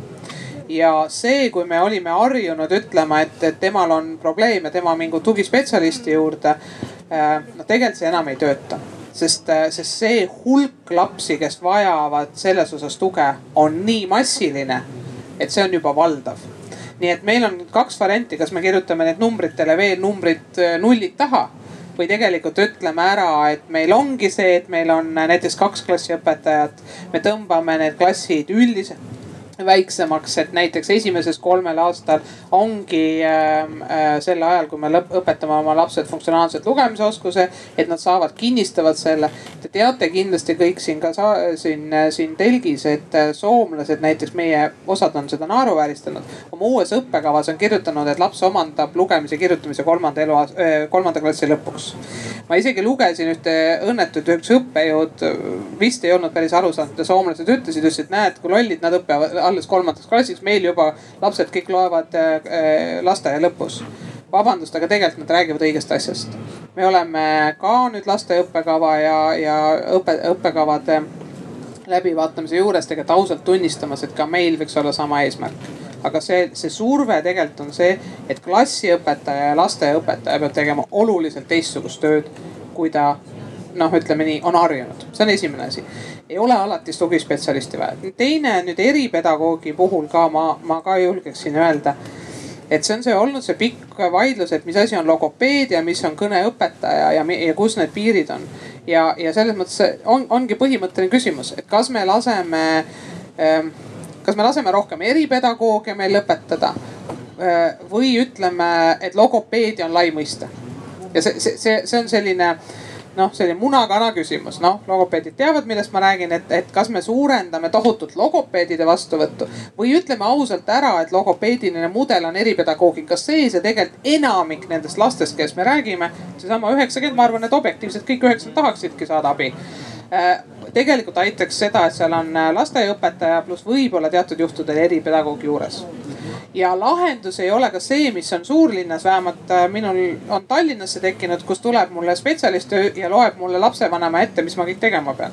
kindlasti on olemas neid vahvaid lapsevanemaid, kes seda kõike suudavad teha, ma mäletan ka, kui ma esimest korda logopeedides paberit nägin, see oli vist esimese minu lapsega. ja siis ma nagu seisin nõutult ja mõtlesin, mis ma sellega nüüd teen ja järgmine tulemus oli see, et nelikümmend eurot tund, eks ju, otsisin logopeedi. et, et, et noh, see ei ole ju kõikidele lahendus. et, et see ei saa olla ka see surve, et me anname lapsevanemale selle paberi, ütleme, et mine nüüd koju. et, et tegelikult see ühendatud tugiteenus. nüüd teine lahendus, mis on kindlasti on see, on vaja suurendada vastuvõttu. mida me nüüd peame üheskoos targalt mõtlema, kas on eripedagoogika, logopeedia noh, see on, eks ju, põhimõtteline küsimus. hetkel me oleme suurendanud nii ühte kui teist aga seal on piirid ees. ja, ja, ja no me ei, me ei tasu ka ennast petta selles lõputu vastuvõtt täna tegelikult näitab seda, et nad on töötavad õpetajad, kes tahavad eripedagoogikat juurde. meil ei ole eelmise aasta eripedagoogikas ei olnud mitte ühtegi mittetöötavat õpetajat nii et see ei ole see, et tuleb kogu aeg iga aasta viiskümmend õpetajat juurde, vaid meil tulevad viiskümmend äh, suurepärast eripedagoogi, kes on täna töötavad õpetajad, väga kutsekindlad ja fantastilised inimesed. kohalikud omavalitsused toetavad, kõik on rõõmsad, et lähevad, aga need ei ole uued inimesed ja nüüd kolmas, ma arvan, et me ei tasu ka väga muretseda, kui me näeme neid väga väikseid koormuse numbreid. selle taga on ka erinevaid põhjuseid. Noh, näiteks väga vahva näide, ma käisin äh, mõned äh, hetked tagasi Äh, võib-olla ei ole viisakas öelda, kus, ütleme, et ühes väga vahvas ähm, looduskaunis kohas, meri oli väga lähedal. käisin ühes koolis, aga see ei olnud Saaremaa. Käisin ühes koolis, kus on seitsmekümne üheksa aastane logopeed. aga see logopeed tegelebki ja tema on nüüd professionaalne, päris logopeed ja tema leidiski, et selles koolis on üks inimene, kes vajab tema tuge. ja ta arvas, et see on väga vahva, ta tuuakse kohale, äh, see vallavanem, endine küll, see on liitunud vald, endine vallavanem toob ta ise kohale iga esmaspäev ja ta tegelebki selle ühe lapsega. ja ta ütles, et seitsmekümne üheksa aastaselt ta hea meelega, et temal ongi lapselapsel liiga suureks kasvanud. et meil ei ole ka mõtet alati traagiliselt võtta, kui on leitud sellele lapsele lahendus ja see memm tuleb kooli üks kord nädalas, eks see ei ole see, et nüüd seitsmekümne üheksa aastaselt kõik kooli tulevad, vaid see on antud hetkel kõige parem lahendus. aga kindlasti ei tule kahekümne üheksa aastane sinna kooli, kui tal on üks, eks ju äh, potentsiaalne. et see ühendatud teenuste variant, mida me siin on täna öelnud, see töötab, aga ma ei ole lõpuni fänn. ma väga vabandan, ma ei ole lõpuni fänn me nägime Rajaleidjatega seda, kus oli see vaimustus, et tõstame kõik kokku. tänaseks me oleme tunnistanud, et Rajaleidja on fantastiline asi, aga ta on nõustaja ja ta on teine tasand. ta tulebki Neeme kooli ja ütleb, et ma saan teid aidata just nii ja naa.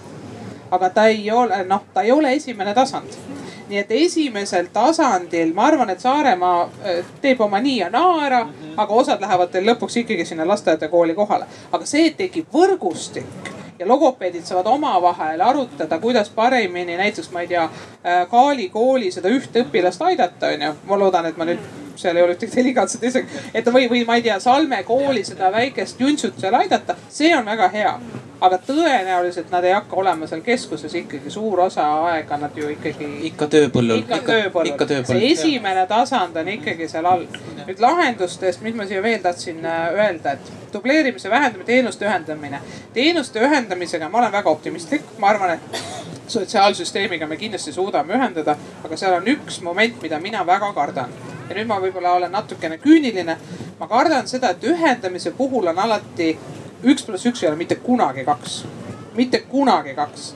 ja minu hirm on täna see ja kahjuks mitte põhjendamatu, et kui me need ühendame, need teenused, siis on tulnud juba väga selgelt signaal, et sel ajal, kui see laps on haridusasutuses, on ta haridussüsteemi probleem, väljakutse. ja kui ta nüüd on sellest haridusasutusest väljas, siis on ta teise süsteemi. et minu mure on selle ühendamisega ei saaks see laps haiget et mingid teenused ei kaoks ära et see, see ühendamine võiks olla tõesti, et me ei dubleeri mingeid pabereid, me ei dubleeri mingeid arstisüsteeme. aga mitte see, kui see lapsel on vaja mitmekülgset tuge siis nüüd ei teki nii, et kui sul on koolis eripedagoog olemas, siis rehateenust tal enam ei ole vaja või öeldakse, et rehateenus on ainult laupäeviti eks ju, et, et seda me peame nende dubleerimiste vähendamisega vaatama, sest natuke meil on tekkinud see tugiisikute puhul, et öeldakse, et lasteaeda nagu ei ole vaja, sest lasteaed tegelikkusega edasi, siis lapsevanem on, eks ju, nõutu. nüüd, mis me lahenduste koha pealt kokkuvõttes võin öelda, ma arvan, et see ühendamine on, on kohati hea, kui me oleme hästi ettevaatlikud sellega, et see esimese tasandi tasemelt see ära ei kaoks.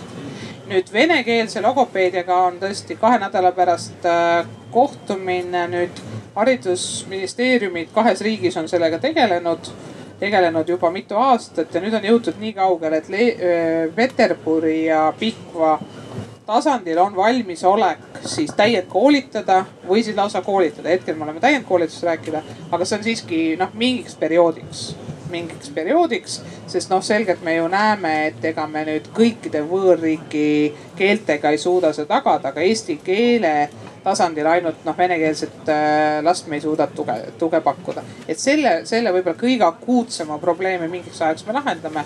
aga noh, pikas perspektiivis äh, pigem meil on ikkagi väga palju seda, et meil on väga mitmekesised äh, perekondlikud taustad ja mida mitmekesisem on perekondlik taust, seda rohkem tuleb see surve, et see laps vajab logopeedilist tuge.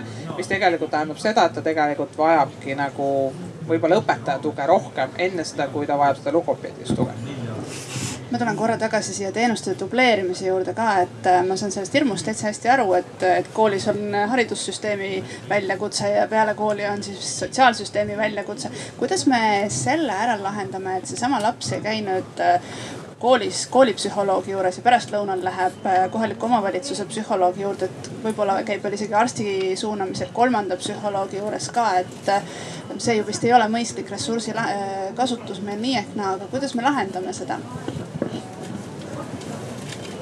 oh, ma nüüd tahaks, tohutu kiusatus oleks öelda, et, et see on väga halb, aga ma mõtlen, et nende vaimse tervise probleemidega laste puhul kohati võib olla see hädavajalik. oleneb, mis mis akuutsusega probleemist me räägime. et äh, ja no ma lihtsalt, kuna mu lapsed käivad, eks ju, Alane hariduskolleegiumis, kus meil on kõik tugispetsialistid olemas, aga samal ajal me viime need vaimse tervise keskusesse ja samal ajal me viime neid ka päris psühhiaatri haiglasse. et noh, kui sul on näiteks skisofreeniline laps siis ei aita koolipsühholoogist. nii et, nii et ma ei taha siin öelda üldistatult, et teeme nüüd määruse, mis ütleb, et kui sul on koolis saanud juba abi, siis sa ei tohi minna järgmisele tasandile.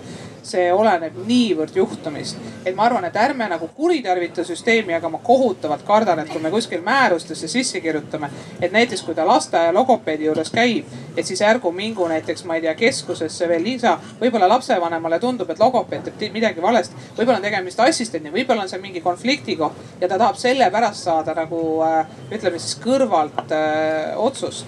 aga ma tahtsin selle videosilla koha peal öelda, ma arvan, et see on kõik väga vahva. Ja teatud juhtumitel ongi, aga ärme nüüd nagu siit kaasa võta, et see on, see on ikka nagu meeleheiteravi et, et, äh, et mulle kõik need digivärgid, no igast, ma ei tea, füüsikaõpetaja õpetab äh, ma ei tea, Saku vallas saadab videosilla vahendusel mis iganes äh, Prangli saarele oma tunni onju. ma arvan, see on kõik hästi vahva ja ma olen tohutu digifänn, aga see on meeleheide, sest ta ei sõida sinna ise. ja ma arvan, et see on ka väga vahva, et te saite selle noorte inimeste kontakti, eriti kui nad on seal varateismelised, et äh, kena naisterahvas nagu te olete, neil oli kindlasti vahva ka onju. ei no tõsiselt, aga, aga me ei saa seda mudeliks luua, et see saab olla, eks ju, selline ma, ma, ma toetan seda, et see on üks mudelitest olukorras, kus distantsid on väga suured ja meil ei ole mõtet teie nagu äh, ressurssi selles mõttes raisata, aga, aga no minu unistus oleks siiski see, et need tugiteenused oleks all olemas. kas nad on nüüd päris logopeed on või on eripedagoog, eks ju. aga selles mõttes ma olen nõus, et kui ta on väga spetsiifiline juhtum ja saate kiiresti video äh, najal tuge, siis, siis, siis kindlasti. Prangl oli hea näide ka või Vormsi, et nende laste jaoks võib-olla tõesti aga mitte. me oleme siin lubanud ikka publikul ka sõna saada ja nii me ka ei jäta ministri äh, sõnavõttu äh, võimalust äh, kommenteerimata, eks ole, nii et ma viin nüüd kohe mikrofoni. meil on siin juba proua ootel. Anneli Võsaste, Tartu linna hariduse tugiteenuste keskuse juhataja, et aitäh selle diskussiooni eest, keskenduti küll väga palju logopeediale ainult, et tegelikult palju suuremad probleemid, aga võib-olla selle viimase ministri eh, jutu peale, et mis on nagu puudus, võib-olla küll puudust ei pidanud rääkima, aga mis on lahendus. Ehk et, et meil ei ole teenuste koordineerimist, et seesama, et, et kas küsimus, et kas juhtub nii, et ta läheb hommikul sinna ja õhtul sinna. et ehk võib-olla peaks rohkem tähelepanu pöörama koolides olevatel HEV-koordinaatorite kvalifikatsiooni tõstmise ja tema täie, täistöökoha loomisele ja selle võrgustikutööle, kuidas paremini koordineerida neid koos peredega, neid teenuseid, et võib-olla see teenuste koordineerimine ja noh, millest üldse pole juttu olnud, on see, et peredega tööd ei tee ju praktiliselt mitte keegi ja ma arvan, iga koolis töötav inimene teab, et kõige suurem küsimus on koostöö perega, sotsiaalvõrgustiku puudumine, lastekaitse, kes on meie noh juhtumi korraldaja tegelikult kohalikus omavalitsuses. Need teemad on need, mis ma arvan, noh päästavad nagu palju rohkem, kui me praegu tegelikult saame seda teha. ja, ja aeg on nagu läbi, mul on tegelikult päris palju mõtteid, et võib-olla ma pärast jagan veel ma arvan, me mõne mõtte saame ikkagi veel võtta telgist ka. ja käsi püsti, kes soovib veel sõna? nii, väga tore. ma siin saan joosta, ma saan nagu liikuda olen Anneli, tulen Eesti Puuetega Inimeste Kojast ja ma kasutan ära juhust, et siin on palju telgis ja telgi ümber inimesi koos, kes tegelevad nende lastega, kes vajavad abi. ja mina tahan Puuetega Inimeste Koja poolt teid väga-väga tänada, et te teete seda tänuväärset tööd, äh, mis aitab äh, meie lastel tulla elus paremini toime.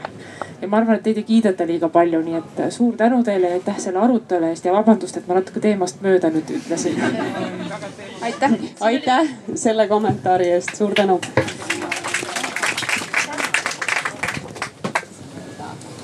mina olen Tiia Lister, tulevikuhariduse Pirn haridusnõustaja ja ma ei saa lihtsalt jätta nagu ühte sellist kommentaari ütlemata, et me oleme siin rääkinud põhiliselt teenuste osutamisest ja teenuste koordineerimisest ja selle, seda tüüpi nagu sõne, sõnu kasutades. aga kui me vaatame ka teisi riike, eriti mina olen Soome noh kursis, et siis me näeme, et seal on hoopis teistsugune paradigma nagu nende teemade lahendamiseks, et erivajadustega laste puhul ja noorte puhul vajavad abi ja tuge eelkõige täiskasvanud ja et selle tõttu on meie nagu süsteemi täiesti uuesti läbimõtlemine, kus sõna teenus on hoopis teistmoodi mõistetud või üldse olematu vaid et süsteem on üles ehitatud selliselt, et saavad abi kõik need, kes tegelevad lapsega, mitte ei, ei remondita last ja laps loomulikult peab saama logopeedilist abi ja, ja peab saama psühhoteraapiat ja kõike. aga et tegelikult see lapse paiknemine või see turvakeskus on ikkagi kas lasteaias või koolis ja seal peaks olema üks meeskond ja ma väga nõustun selle viimase kommentaariga, et meeskonna HEVCO või siis AFCO peaks olema selle meeskonna juht ja see kõik see lapsega seotud nagu otsused või tegevused toimuvad selle koolimeeskonna nagu vastutusel. sest tänase hetke küsimus ei ole mitte selles, et ei oleks kusagile minna. raha eest on ikkagi minna, nagugi minister ütles, et neljakümne eurose nõustamise leiab ikka, kui lapsevanem on väga hädas. aga küsimus ei ole hoopis, on hoopis selles, et vastutaja kes võtaks, võtaks nagu lapse teema nii-öelda protsessi tervikuna vaatluse alla ja vastutaks sinnamaani, kui laps on abi saanud ja on tulemused käes. see vastutaja on täna puudu ja see vastutaja ei saa olla mingi koordinaator ega see ei saa olla mingi juhuslik rajaleidja nii-öelda inimene või, või keegi kusagil, vaid see peab olema üks meeskond, kes on lapse ümber kes last toetab, seal on olemas lapse õpetajad ja on olemas need lapse, lasteaia või, või kooli kasvatajad, et see on uus süsteem. aitäh. ma ütleks siia äh, kommentaariks, et seesama, äh, küll sõna on teenus, integreeritud teenuste projekt või programm, mul läheb kogu aeg sassi, kumb ta on. Äh, mis nüüd sotsiaalministeeriumi SKA ja ja siis haridusministeeriumi kohalike omavalitsuste vahel on, mis ka nii Saaremaal kui Haapsalus on. Eh, tegelikult seal ongi, selle üks tulem peaks olema, et eh, seda meeskonnatööd koordineeritakse just nimelt see, millest sa rääkisid, et on üks inimene, kelle jaoks selle lapse lugu ongi tema, eh, tema käes algusest lõpuni. ütlen ainult Tiinale ühe lause sinna, et kui me nüüd loeme piirkonniti need lapsed kokku, mitu last me saame, siis me saame juba algusest peale aru, et see on nagu eh, võimatu ühe koordinaatori poole poolt ei ole võimalik koordineerida nende laste aitamist ja vastutada selle eest. ma räägin vastutusest. ma arvan, et kui me algusest hakkame minema, siis jõuame ka kaugemale, et kui kohe kõike ei saa, siis läheks väikeste sammudegagi nii, aga paistab, et meil aeg pressib peale ja, ja nii nagu me esialgu ajakavas lubasime, et äh, me kõik need head mõtted, mis on täna siin telgis kõlanud, äh, üles tähendame ja teeme siis sellise heas mõttes äh, määruse siin valmis koha peal. ministeeriumile elu väga lihtsaks, nii et Piret on ametis olnud siin nüüd juba poolteist tundi, eks ole, et äh, ja nüüd ma annangi sõna sulle, et, äh, et mis sa siin täna siis kuulsid, mis on need toimivad lahendused, mis te kohe siin kaasa võtate ministeeriumisse ja, ja, ja millega siis saab tööle hakata ja mida siis edaspidi ka kõikidele abivajajatele saame pakkuda? ja aitäh, ma loodan, ma suures pildis suutsin need mõtted kõik siia kirja panna ja, ja vahepeal siin tekkis väga palju sihukest kribu-krabu, et eks ma pean pärast siis aitama tõlkida seda ümber nagu ilusamasse keelde, eks ole. aga et lahti läksime siis äh, sellest tugispetsialistide koondamisest teenuskeskusesse ja et ikkagi, et siin ei jääks nagu ka äh, sellise vale arusaama, et see ei tähenda seda, et nüüd kohapeal koolides enam tugispetsialiste ei ole, et nad on tegelikult ikkagi kohapeal, aga see annab sellise paindlikkuse äh, seda ressurssi kasutada. aga et samas peab jääma ka selline paindlikkus, et ei pane suu lähemale lihtsalt rääkima otse mikrofoni. nii